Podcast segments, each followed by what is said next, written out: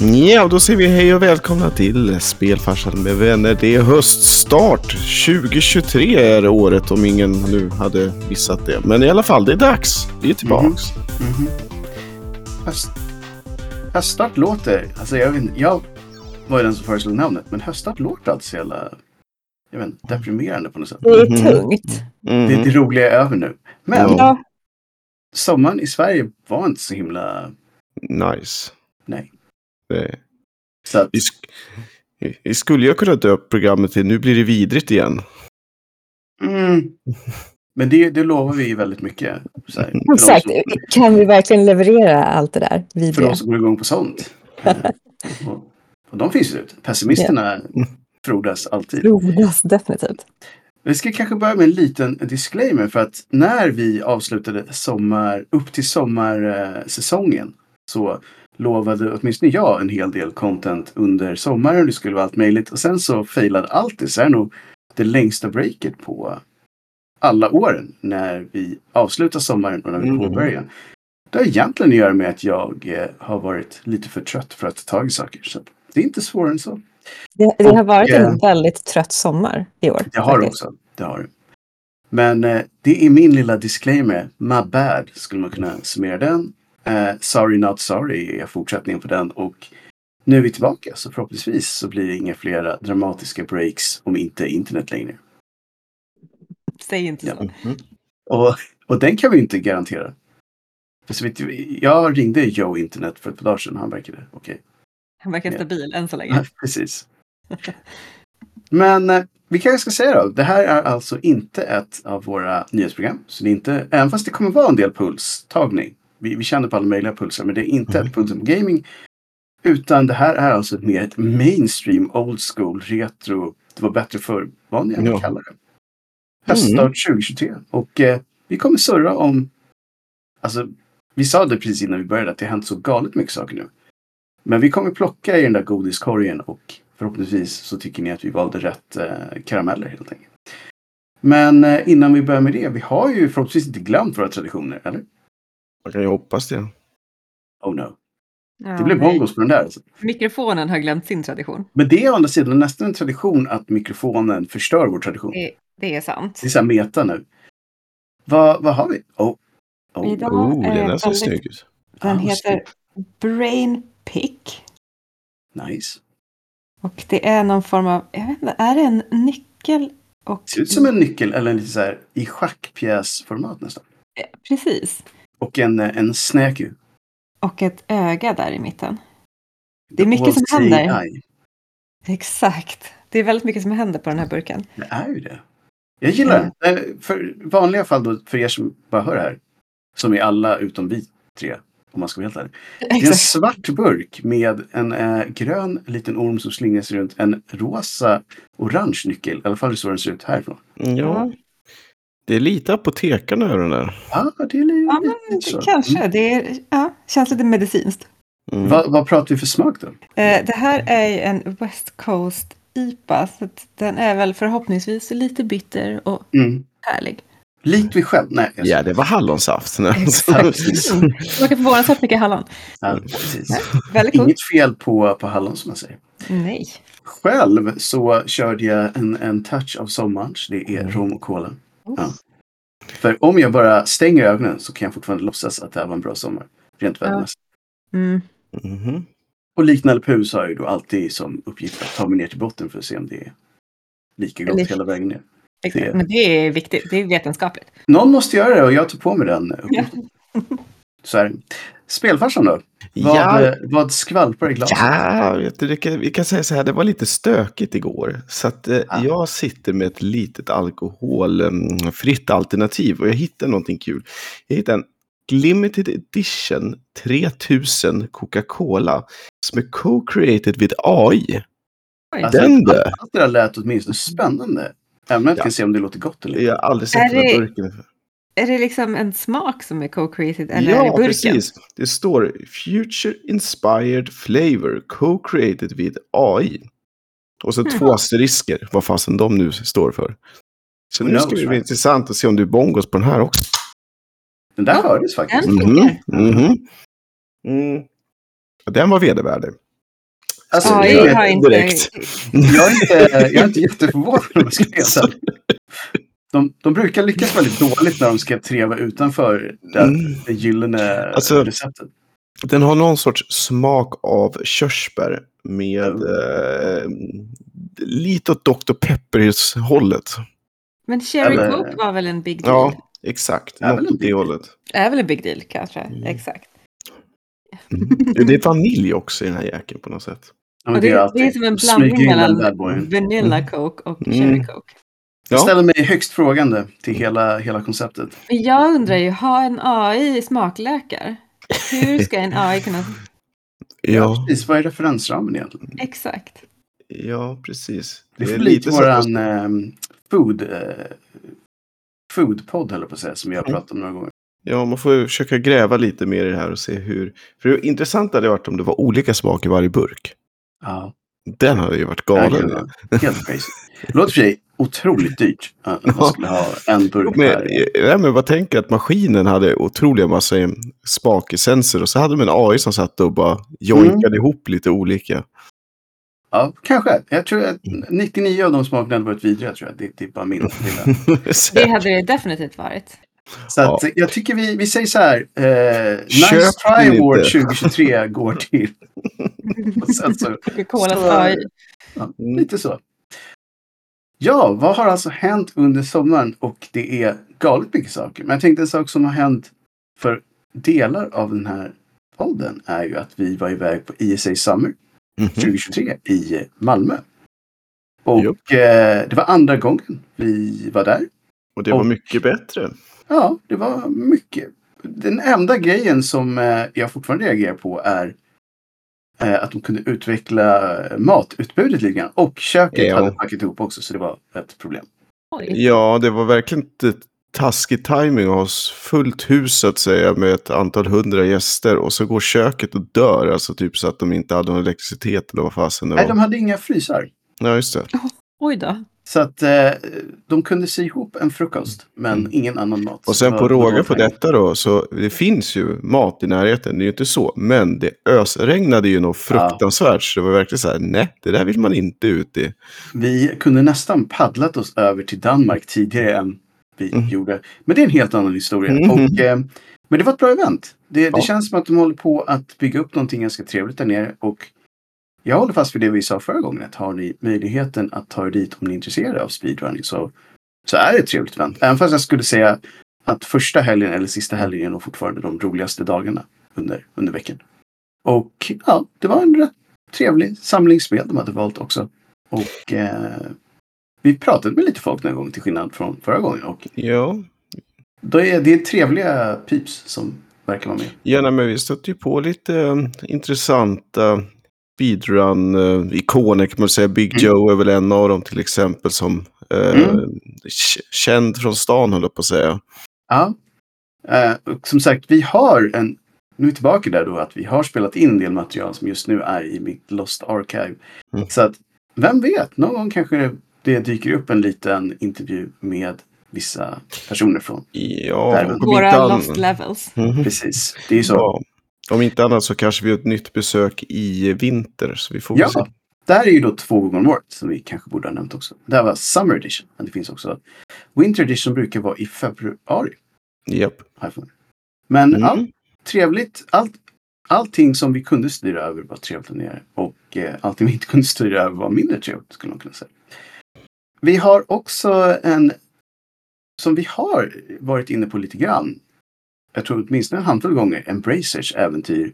Både som stor eh, ägare av Indie Studios och vad de egentligen försöker göra med tanke på hur mycket de har växt. Nu har de ju egentligen det senaste halvåret stött på en del problem när de har jag tror det läckte ut att de hade missat en deal på 2 miljarder någonstans som de hade Ja. räknat med. Och sen så hade de backat 4 miljarder i sin lilla års... Eh, I och för sig visste de väl om det för att de har ju då alltså köpt rättigheterna till Sagan om ringen för 3,5 miljarder. Så att eh, de var väl inräknade, åtminstone två miljarder verkade det som de hade räknat med att de skulle gå back. Men resten, ja, de har lite tuffare tid just nu och det här har lett till ett flertal saker och alla är dåliga skulle jag säga. Men ett, de sa själva vi äger Sagan om ringen nu så nu ska vi mjölka den här bad boyen så hårt det bara går. Och det tror jag absolut på. det Nya kommer de nog göra. alltså. Jag tänker liksom Gollum. Eh, Gollum gick inte bra. Det kan vi Eh, säga. in, inte så bra. Nej, de, den studion har faktiskt slutat göra spel. Så dåligt gick det. De, de ska göra annat nu. Och då tänker jag så här, om man då ska mjölka det här franchiset riktigt, riktigt hårt. Kanske vi får vänja oss vid att de flesta spelen är dåliga. Och ibland blir de bra. Jag skulle vilja ha en uppföljare till SNES-klassikern som vi alla älskar så mycket. Ja, den har eh, kvaliteter. Jag vet, vi, ja, precis. Det finns... Eh, faktum är att varför inte ge... Nej. Den finns. Det, det, det kan jag stå för. Men eh, ja, dessutom så verkar det som att de diskuterade ett, ett gäng nya filmer och annat. Jag känner mig kanske inte jättepositivt inställd till hela den grejen, men ja, vi får se. Det, om inget annat kommer vi ha saker att prata om. Det, så är det ju. Jupp. Mm. Det, Sen så hade vi ju då det här, vad händer med alla de stackars indie-studios? Som, eller ja, de tyckte nog inte så synd om sig själva för, vad var det, ett och ett halvt år sedan när de sålde sig själva till Embracer. När allting var på väg upp. Exakt. Men nu har ju Embracer sagt att det är dags att vi tar tag i det här med ekonomin. Vi kommer att gå igenom alla våra assets och det kommer stängas. Det, så är det bara. Och den första stora stängningen har faktiskt redan hänt eh, för ett par veckor sedan nu när de på dagen la ner Volition som ju är en stor studio. De har, tror jag, 340 anställda eller något sånt där. Så Och ingen indie-studie. Ingen indie-studio och de Mm. hade, tror jag, också just fyllt 25 år eller något som studio eller något i den stilen. Som har funnits med ganska länge. Och eh, gjort ganska mycket olika spel, men på senare år så är de mest kända för Saints Row-serien. Mhm. Mm. Och Saints Row, sista Saints Row var ju då en reboot av den serien och den bombade så hårt att de bombade ihjäl studion skulle man kunna säga. Ja. men är det något av de spelen som är värd att spela egentligen? Jag har funderat på det från och till, men det har alltid känts som en blek kopia av GTA. Liksom. Alltså grejen är så här, som jag har förstått det när jag tittar på så första Saints Row var en blek kopia av GTA, för då försökte de verkligen kopiera det spelet. Sen insåg de att de aldrig kommer vinna det gamet och då gjorde de Saints Row till over the top absurd version av GTA istället. Där man sprang omkring med stora dildos och slog varandra i huvudet. Och det var konstiga aliens som landade och det var over the top power action moves och så vidare och så vidare. Och konstiga lädergays i tangas som sprang omkring. Alltså det var så här, de gick bananas. Och Mm. om jag förstod så funkade det ganska bra. Tills det inte funkade längre. Eh, eller vad man ska säga. Trean verkar folk gilla. Fyran verkade vara helt okej. Den mjölkade de väl kanske i några editions för mycket. För jag tror att de släppte om det några gånger. Men sen kom ju hela den här. Ah, och det var väl kanske det. En del hävdade att det var det som dödade det här spelet. Men de skulle. För de som är elaka säger de att de went woke, gone broke. Det, allt skulle tonas ner. Det skulle inte vara någon rude humor, ingen lewd humor. Det skulle vara eh, mångfald. Ja, de gick egentligen från hela templaten för Saints Row, de senare spelen. Ändrade helt direction. Och det gick åt skogen. Och det var väl så här att kanske inte världens enklaste beslut att ta, men de gjorde också den här klassiska saken. De gick ut och sa åt alla fans av de gamla spelen att ni vet var ni kan köra upp den någonstans om det här inte är någonting ni gillar. Och det brukar aldrig riktigt sätta sig jättebra med en community när man ber Mm. dra åt helvete. Alltså, jag Ganska förstår dumt. inte riktigt. Alltså, vem tror att det där skulle kunna funka? Typ som att, okej då, då, då ändrar vi. Vi, vi köper det här. Ja, det, det är ett väldigt konstigt beteende och dessutom kan jag tycka att man gör ju mycket mer riskabelt för då måste man hitta ett nytt community när man släpper spelet eftersom man just har bränt stora delar av det gamla communityt. Så att jättekonstigt beslut men sen så släpptes då spelet och det var väl som jag förstod det eh, eftersom jag bara hörde folk som testade men det var tekniskt otroligt dåligt skick när det kom ut. Dessutom. Det, det är ju definitivt en eh, killer för ett spel. Det Ja. funkar inte. Jag tror det tog ett par veckor innan det var uppe i ett sånt där skick att folk kunde spela det normalt. Då var, då var liksom skadan redan gjord. Eh, Mm. Folk hade slutat spela det. Och jag tror att de försökte lappa ihop det här med det första DLC som var planerat och sen så gjorde det ingen större skillnad och ja, nu finns inte Volition längre. Det är ungefär så man kan se ihop den lilla resan. jag vet inte, på sätt och vis är det alltid synd när en klassisk studio försvinner. Men det känns som att de, om man ska vara helt ärlig, så har de kanske inte haft så här, de bästa åren de senaste åren. Om, Nej, de var, de var på väg dit ändå, kanske. Jag tror faktiskt det. Jo, de gjorde en SimCity helt enkelt. Ja. Eh, sen får vi väl se. Alltså, jag menar, Embracer äger ju fortfarande alla deras IPs. Så det är ju inte omöjligt att liksom, de här serierna kommer tillbaka. Det är bara det att det kommer inte vara den här studion som gör. Det är ungefär lite samma sak som med Fable egentligen. Att det är, serien lever fortfarande vidare hos Microsoft men eh, Lionhead Studios är nedlagda sedan 15 år. Det är gone. Vi får se. Vi får se helt enkelt. Men det här är väl åtminstone kanske någonting vi får ställa in oss lite på. Att Embracer nu istället för att köpa på sig massa grejer så kommer de kanske att lägga ner. Alltså, man är inte jätteförvånad. Vi var ju rätt ifrågasättande redan när de började den här köpfesten. Liksom, hur de skulle kunna ens hantera så många studios. Och, Ja, och var alla pengar kommer ifrån. Det är ju också en ganska intressant och fråga. den stora chocken är att det fanns inga pengar. Nej, alltså som jag Nej. förstod det så var ju mycket av de här uh, miljarderna lånade. Mm. Ehm, helt klart. Men vi Det får är, se. ju, det är ju jobbigt när det handlar om miljarder. Mm.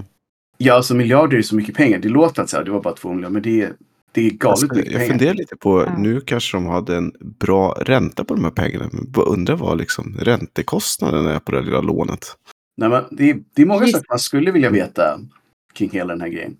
Men så här, för alla indie-studios skull så hoppas jag att de flesta av dem överlever. Mm. Men man får nog vara, om man var en indie-studio som liksom funderar på att hitta någon sugar daddy som vill köpa in den. Kanske inte Embrace just nu. Inte just nu. Nej Mm. men förhoppningsvis så har ju många av de här industrierna fått så pass mycket pengar så att det liksom är värt det för dem. Ja. Eh, om det var det de var ute efter. Jag Men- antar att det var stabilitet liksom, de ville ha. Ja. Men jag gissar att vi har gått miste om en massa framtida roliga indiespel. På grund Det tror jag också. Det är nog många saker som, som ryker just nu i tysthet. Jo, någonstans. tyvärr är det väl så. Men Samtidigt känner jag att de som verkligen har bra idéer, de kommer att komma igenom på något annat sätt. Alltså det... Alltså, Jo, men det håller jag nog med om. Alltså att de kan ju alltid gå tillbaka till att vara en liten indie-studio om det skulle vara så. Mm. Eh, jag tror bara att den här genvägen kanske som många då trodde de kunde få har försvunnit i alla så fall. kan man ju diskutera, är man en indie-studio när man har blivit uppköpt? Det här är den där frågan vi har haft Eh. uppe många gånger förut. Det beror på vilket stöd de får, eh, känner jag. Men, men gissningsvis så lutar det väl åt att nej, inte riktigt Det är längre. åtminstone inte liksom... För har man den... Nej, men precis, för har man de ekonomiska musklerna i ryggen, vilket de ju kanske nu inte har då eftersom Ja, att det- Embracer, så är man inte längre en indie-studio. Sam, samtidigt så ska man väl vara lite sån och kanske säga att det, var, det är ju väldigt många svettiga entreprenörer där ute nu som mår rätt dåligt kan jag tänka mig. Så det ska man väl ge, ja, känna lite för kanske. Som sagt, jag hoppas det går bra för alla de här små studiorna som köptes upp. Och sen så hoppas jag att Embracer get their ish together. Och som sagt, inte slänger ur sig massa lättköpt dåligt skräp för att få in snabba pengar. Det är väl egentligen det. Mm. Jag tror att du hade en liten nyhet du ville peta in. Innan Ja, det var ju hela Nintendo Direkt-historien. De släppte Mm, ju en lång, del kända och en del okända eh, Switch-nyheter kan Mm. man väl säga. Och eh, ja, det, är ju som sagt inte en jättestor nyhet än nu, men jag ser ju mycket fram emot eh, Super Mario Wonders. Ja, det ser faktiskt otroligt bra ut. Förutom Co-op-grejen som var en kladdig historia som ingen riktigt förstod sig på varför de inte bara gjorde en klassisk eh, online-co-op. Ja. Det går att spela couch-co-op. Mm. Allt annat var något så här konstiga. Så här, du kan se andra som spelar online. Du kan inte interagera med dem direkt. Men du skulle kunna reviva dem om du får typ en flytande ost som du ser här. Och du kan tävla mot folk. Så att Alltså, Nintendo och online. Alltid lika. Ja. Ja, men jag, kunde- jag, jag kunde ha köpt det om de hade haft det med till exempel som i Rayman och andra och även i Donkey Kong, ehm, eh, s- eh, Ja. heter det, Jungle Freeze eller vad det hette. Att, Just att det. du kunde se spöket av någon annan om du körde till exempel speedruns eller liknande. Så att du kunde se... Det är eh, ja. Som, det hade ju liksom, det kunde ha räckt med det. när det Ja, kommer till online-content. Nej, det som sagt. Allt annat såg väldigt Det som jag var lite så här frågaställande till, liksom, hur har man tagit konceptet gått lite väl långt med hela eh, ska vi kalla det Metroidvania-biten, det är de här um, badgen som man skulle kunna equippa för att typ få wardjump Mm. och andra så här, Mm. sånt som man egentligen bara fått genom skojiga power-ups tidigare. Har de ju numera Ja. något så här så att du ska välja en, equippa den innan banan börjar och sen ska du liksom... Man kunde byta under banan också tror jag. Ja. Eh, om man inte tyckte att det funkade. Ja, var någonting något så sånt där. Och det där är liksom, Mm. jag vet inte riktigt hur väl det rimmar med Mario. Mario-spel liksom. det, det var väldigt mycket mer mekanik i det här spelet än, än de flesta andra. Det var inte de här klassiska. Var, man kunde samla på sig jag, allt möjligt. jag hade ju hellre sett att de hade byggt in alla de där färdigheterna. Alltså mer som i ett Mm. Metroidvania, att man kunde välja kanske hur man låser upp dem, men sen att man liksom, ja, Jag, jag, jag känner nog ungefär så att jag vet inte om det kommer funka, men jag tror att det här är ett av de här spelen som jag tror jag vill hands-on testa och se om det absolut. om allt bara funkar när man väl sitter Och sen om man ska bara säga någonting mer om det här så verkar det kommer det ju en massa trevliga RPGs. Mm. Super Mario RPG ser ju väldigt trevligt ut.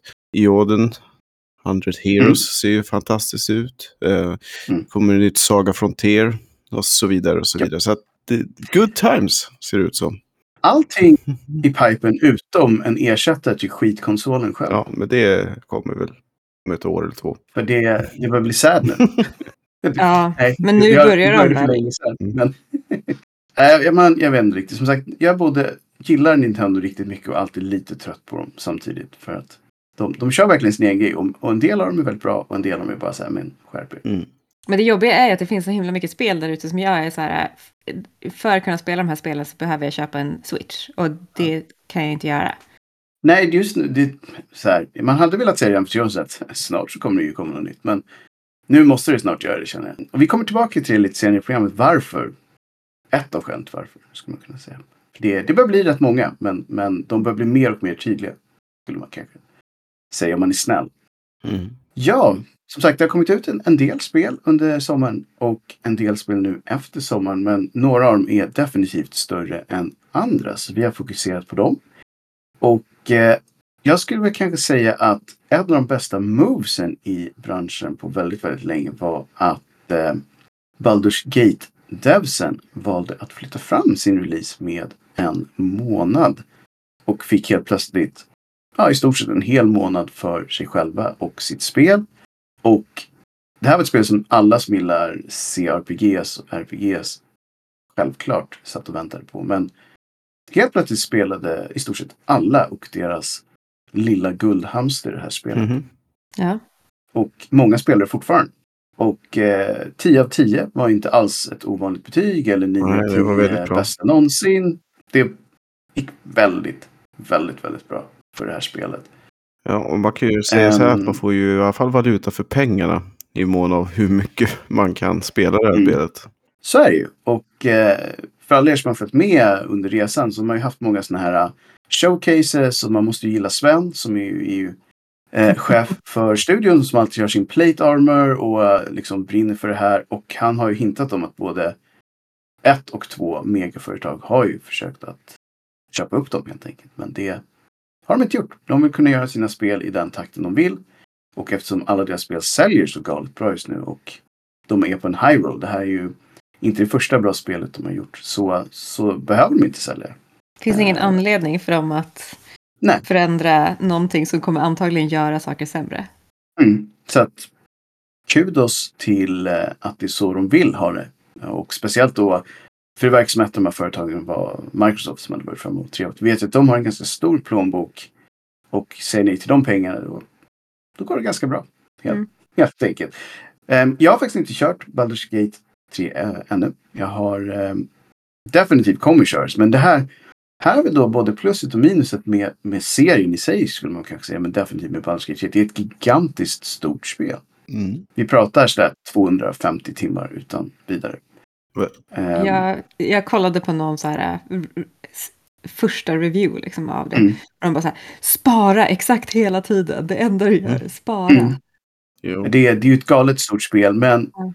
man kan också säga så här då, att de, det är tre akter utan att vara för spoiler. Och de första två, eh, speciellt den första, är, är väldigt välfungerande och inte mycket buggar. Och ja, det mesta funkar väldigt bra. Andra funkar överlag också väldigt bra. Men i tredje så var det ganska mycket mer tekniska problem. Och antagligen har det helt enkelt att göra med att de som har eh, haft chans att spela det här i förväg har helt enkelt inte kommit så långt.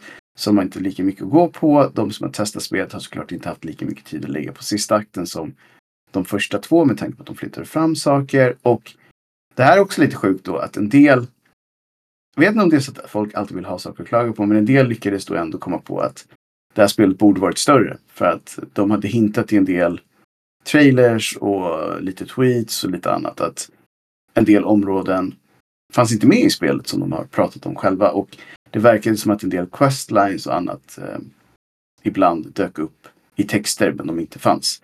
Så att de tror att det kanske fanns en eh, typ en del av staden i tredje akten. Jag tror att det var så upper level av den stad man är. Jag antar att man är i Mm. Baldur's Gate.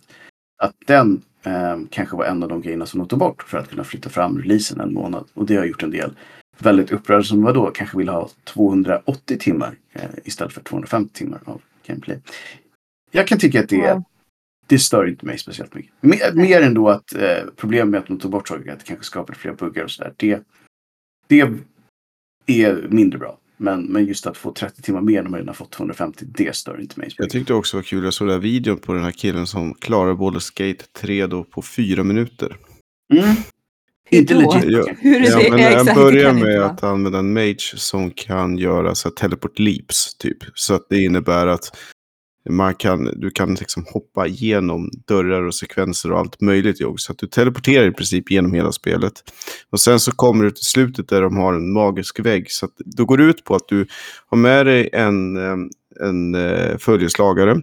Du slår ihjäl personen, du lägger i en träkista, du sätter eld på, eld, eld på kistan, kastar iväg kistan förbi den magiska barriären. Då brinner kistan ner och så har du lagt en revival spell på den här karaktären. Så när den vaknar till liv så triggar den sluts cutscenen. Tada! Nice.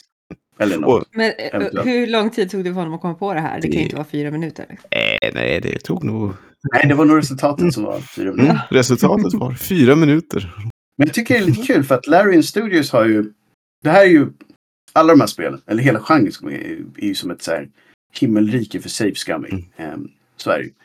Men Larian Studios har ju försökt att göra... De är ju fullt medvetna om att det är så här folk spelar deras spel. Men de har försökt göra så att alla konsekvenser gör att det händer intressanta saker i storyn. Så även om du får en dålig dice roll så händer någonting som är så pass kul eller givande att du ändå inte laddar om omedelbart. Mm.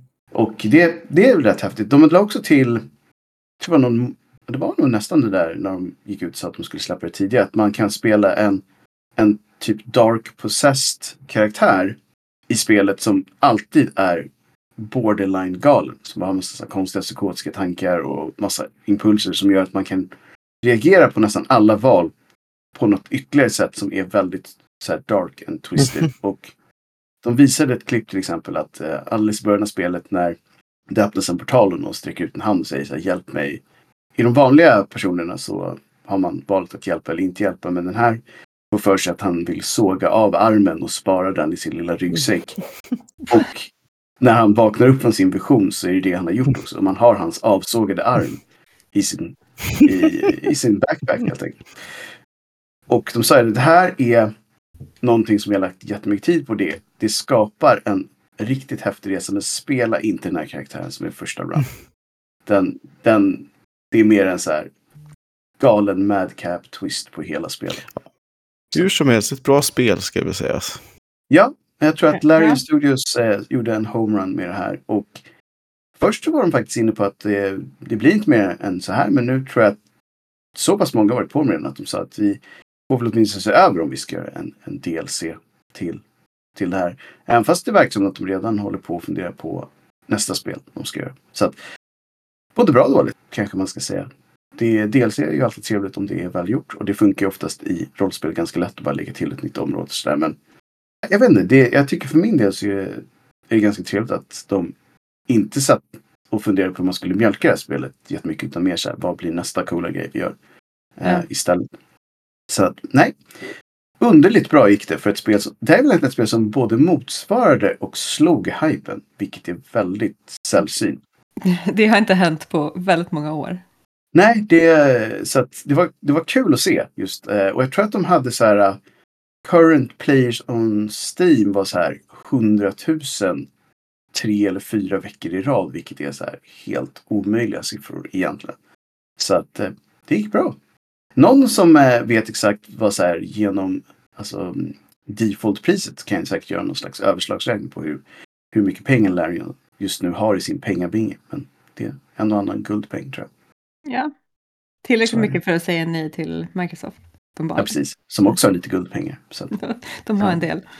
de har helt klart en del. Ehm, om ni inte hade något mer ni ville säga om det så tänkte jag att vi hoppar vidare till nästa spel som skulle ha varit sjukt nog nästan så här samtidigt som Baldur's Gate de hade släppt det när de hade tänkt. Eh, och Vi Mm. pratar då om Bethesdas första nya franchise på vad 20 var det, år. 25 år. Eller något sånt där. Det sjuka är att det känns som att det här namnet är inte ett, ett nytt franchise. Men eh, Alltså så här, eftersom det är Bethesda så det är ett Bethesda-spel på alla, alla, alla sätt man kan tänka sig. Mm. Vi pratar om eh, Starfield Japp, japp, såklart, japp. som nu är Ja. ute. Och eh, hypen där var väl lika stor men mera mixad. Ska vi kanske säga. Folk hade, det var campet av oj vad härligt det här kommer bli och campet av det här kommer bli en riktig trash storm. Snart kommer jag kunna sitta och gotta mig i hur dåligt det här går. ja. För Bethesda har inte gjort någonting bra sen Fallout 2.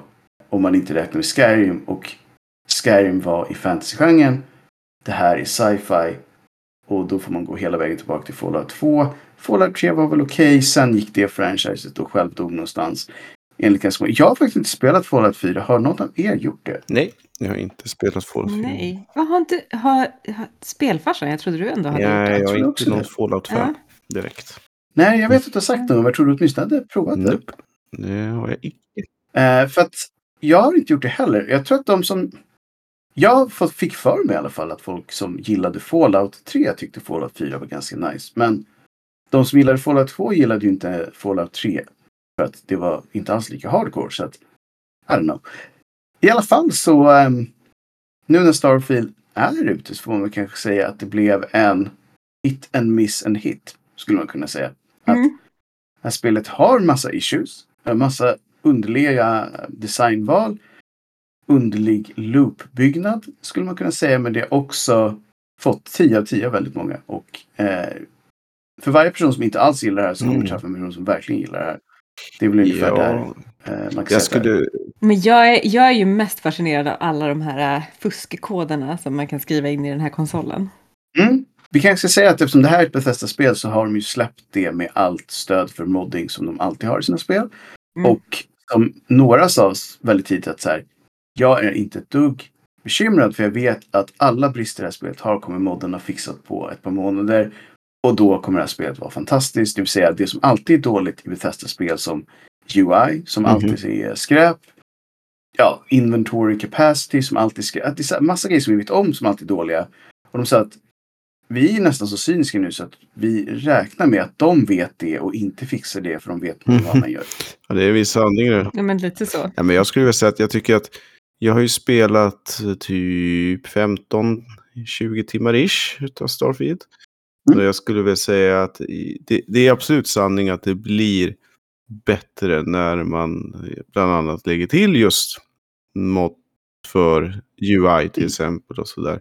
Men jag skulle vilja säga, eh, jag skulle vilja kunna tycka sträcka mig att jag tror att det skulle säga att det är en 8 av 10 i alla fall. Så att det, jag, ty- Ja. jag tycker att det är ett, ett, Ett bra bra spel. spel. och Det finns mycket att göra och jag tycker att det är, det är lite, hur ska vi säga, det är, man får, ja, man får lite känsla av Mass Effect även om det är lite, lätt, li, lite mer lättillgängligt än vad Mass Effect är. Med tanke på att, ja. Mm. Man kan också säga det för alla som er som, som har bott under en valfri sten under ett år. Det här. Så Starfield är ju då, som vi sa, ett nytt franchise. Men det är, man är ute i rymden helt enkelt. Och det är, det händer som alltid i Bethesda-spel, lite groovy stuff alldeles i början av spelet. Som skickar din karaktär på en resa som antingen är en genomspelning eller oändligt många genomspelningar. För, för första gången i ett Bethesda-spels historia så finns det en inbyggd New Game Plus-funktionalitet. Ehm, funktionalitet. Som gör att du kan starta om storyn x antal gånger och få med dig dina abilities men ingenting annat. Mm. Och det triggar vissa nya saker över tid. Och de säger väl att så här, om du spelar om det här spelet för så här, tio gånger eller något så får du eh, det ultimata slutet. Vilket är helt bisarrt för det är fortfarande ett väldigt långt spel. Så ska man köra tio gånger så antar jag att man plöjer in sig runt 500-600 timmar utan Det- vidare. Mm, Det Det beror nog på lite hur man spelar det, men absolut. Det, alltså för du kan ju till exempel, du kan ju minmaxa efter 30 minuter in i spel, så att på egentligen efter bara, det beror ju på som sagt. Vad, hur, hur, hur mycket du ut, om man gillar att fuska till exempel så går det väldigt fort kan jag tänka mig.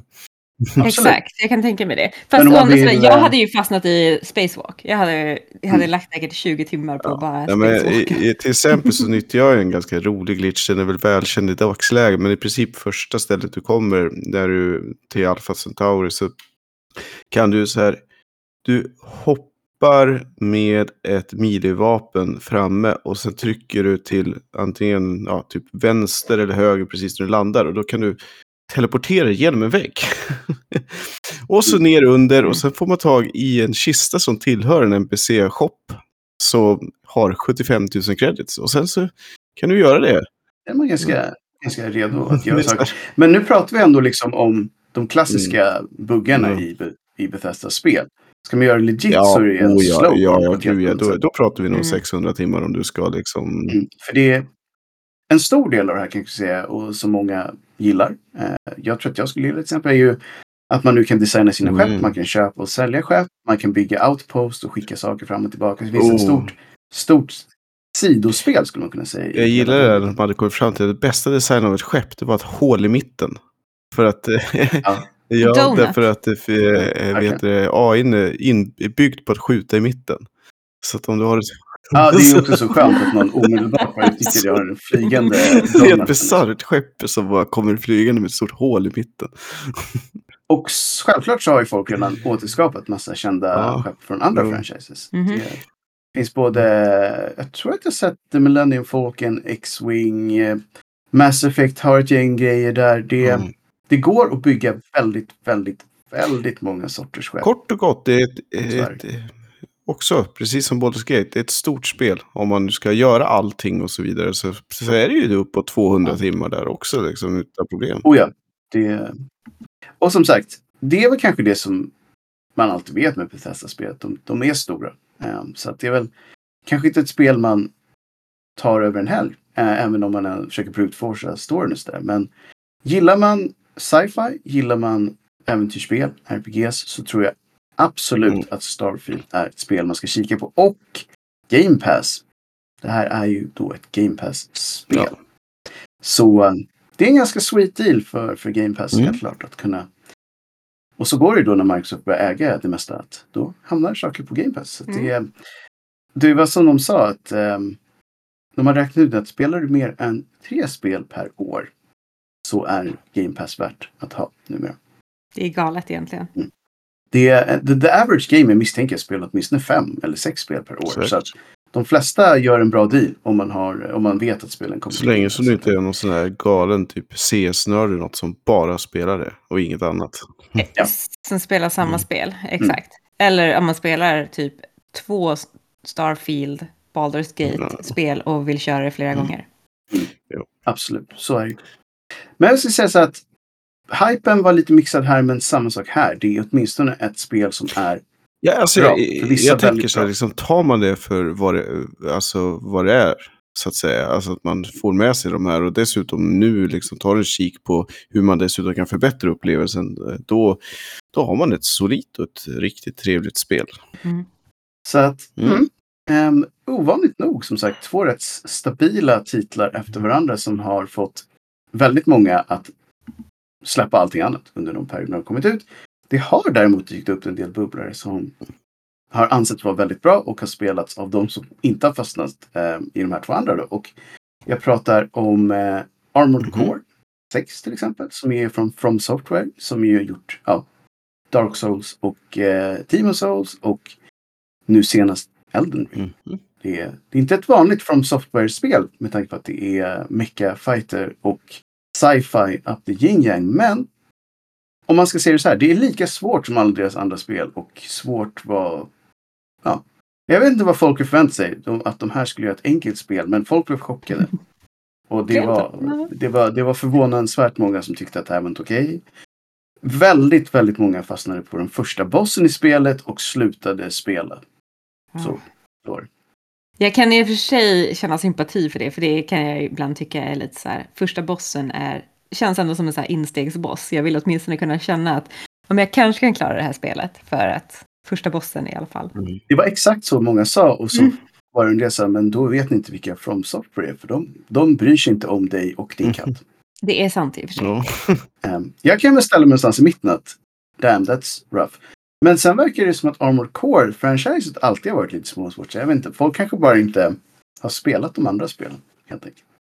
Det såg väldigt trevligt ut. Jag har sett ganska många som har spelat det här. Men ja, det, det är svårt. Däremot får man ju hålla på och bygga sin coola lilla mecka. Så att det är alltid roligt. Storyn eh, var väl sådär.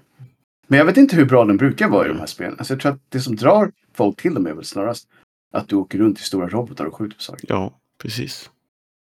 Så är det. Och det gör man ju fortfarande. Absolut. Så supersvårt, väldigt välgjort, men man får förvänta sig att man får spela om en gång eller två eller tre eller sju, 23.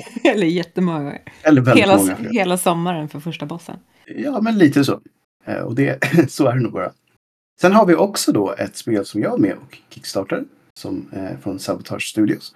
Som ju, jag tror mest välkända från de tidigare är The Messenger. Som ju var en, ett love letter till de tidiga Ninja Gaiden-spelen. Mm. Men nu har de alltså kommit ut med ett love letter till JRPG 90-talsperioden skulle man kunna säga. Så att Mm. Chrono Trigger är väl det som de själva har pekat på mest som inspiration. Och det var det de Ja, hade i sin Även Kickstarter. om jag tycker att det andas mycket Breath of Fire 3 också. Eller Breath of Fire överlag. Det gör det. Jag misstänker att, att det inte är lika välkänt överallt. Så att de pushade kanske inte lika hårt. Men absolut. Och eh, det här spelet jag har lagt ner åtminstone 10 Mm. timmar på. Och eh, det är fantastiskt. Det är väl egentligen. Jag visste om att det var bra. Jag hade provat demot. Men det är extremt välgjort. Och eh, allting funkat väldigt bra. Musiken är fantastisk. Grafiken är supermysig. Och svårighetsnivån är ganska lagom. Eh, om man inte vet vad man håller på med så kommer man dö. Men om man har lite koll på vad man gör så flyter det på. Och de har själv sagt att de inte vill att grindandet ska vara nödvändigt. Det gör alltid saker lite lättare men det ska aldrig vara så att man behöver lägga fem timmar på att grinda lite levels för att ta sig vidare helt enkelt. Och spelet heter alltså Sea of Stars, om vi inte sa Sea of Stars, det tror jag faktiskt kanske inte sa. Nej. Bra, Och- eh, det är en, en liten så här detalj som Mm. hjälper folk. Ja, exakt. Och det här har ju fått brutalt Oh, bra ja. betyg, det här spelet.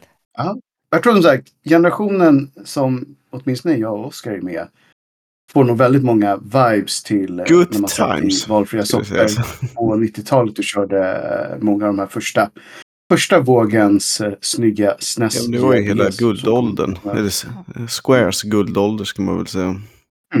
Och det vet ju såklart Sabotage Studio väl om att det är den här crowden de siktade mot. Nu eh, var det väldigt många fler spelare såklart, men de, det var nog de de hoppades få in först och främst. Så att, väldigt nöjd än så länge kan jag ju säga och jag kommer definitivt att köra klart spelet. Om inget annat så vill jag hitta min lilla Memento Stone som jag designat som ska finnas i spelet någonstans. Just det. Ja. Extra kul för dig. Ja, jag vill bara säga att jag måste komma ihåg en sak. Alltså jag tyckte nästan det roligaste på sådana varianter det var ju Bloodstained när de hade backarnas eh, husdjur med i så här tavlor i. Ja, alltså det finns en del coola varianter ute i, i, i indievärlden där. Men som sagt, den här är ändå designat. Så den ska finnas Mm. någonstans. Så vi får se om jag hittar den. Eller om jag... Jag har försökt vara ganska så här, äh, leta i alla Mm. hörn som går. Det är också en sak jag gillar. De har en massa hemliga saker i spelet. Jag har alltid gillat det. Och det har de fattat att folk gillar. Så det är kul. Yep. Mm. Nej, men som sagt. Gillar man den typen av spel så är det ju ett måste. Alltså, det, Verkligen. Vi har eh, inte supermycket tid kvar, men jag tänkte några grejer som kan vara värda att nämna är att Trine är tillbaka med Trine 5. Också en supermysig serie som i och för sig inte är superenkel. Det är ju då eh, ett 2D-plattforms pussel action-spel där man kan vara tre olika karaktärer som har olika skillsets och där man ska ta sig från A till B helt enkelt. Och så är det oftast en supermysig, klassisk fantasy story som väver ihop allting. Och eh, de här spelen brukar både vara roliga som soloäventyr och när man spelar i co-op. Co-op brukar ofta bli väldigt mycket så här kaos. Att man Mm. försöker en massa olika saker och hälften av gångerna så går det inte. Hälften av gångerna går det fast det inte alls blir så att man har tänkt sig. Så man ofta ska se roligt när man gör det här. Eh, Även fast det kanske inte alltid ser ut som att det är två pro-adventures som är ute på äventyr. Eh, så, så är det. Men eh, Trine 5 är, ska jag säga, tillbaka till det de var bäst på. De var också inne och kladdade lite i 3D-leksakslådan och det gick väl mindre bra. Men nu är det snygga sprites och 2D från sidan som gäller igen. Japp, japp.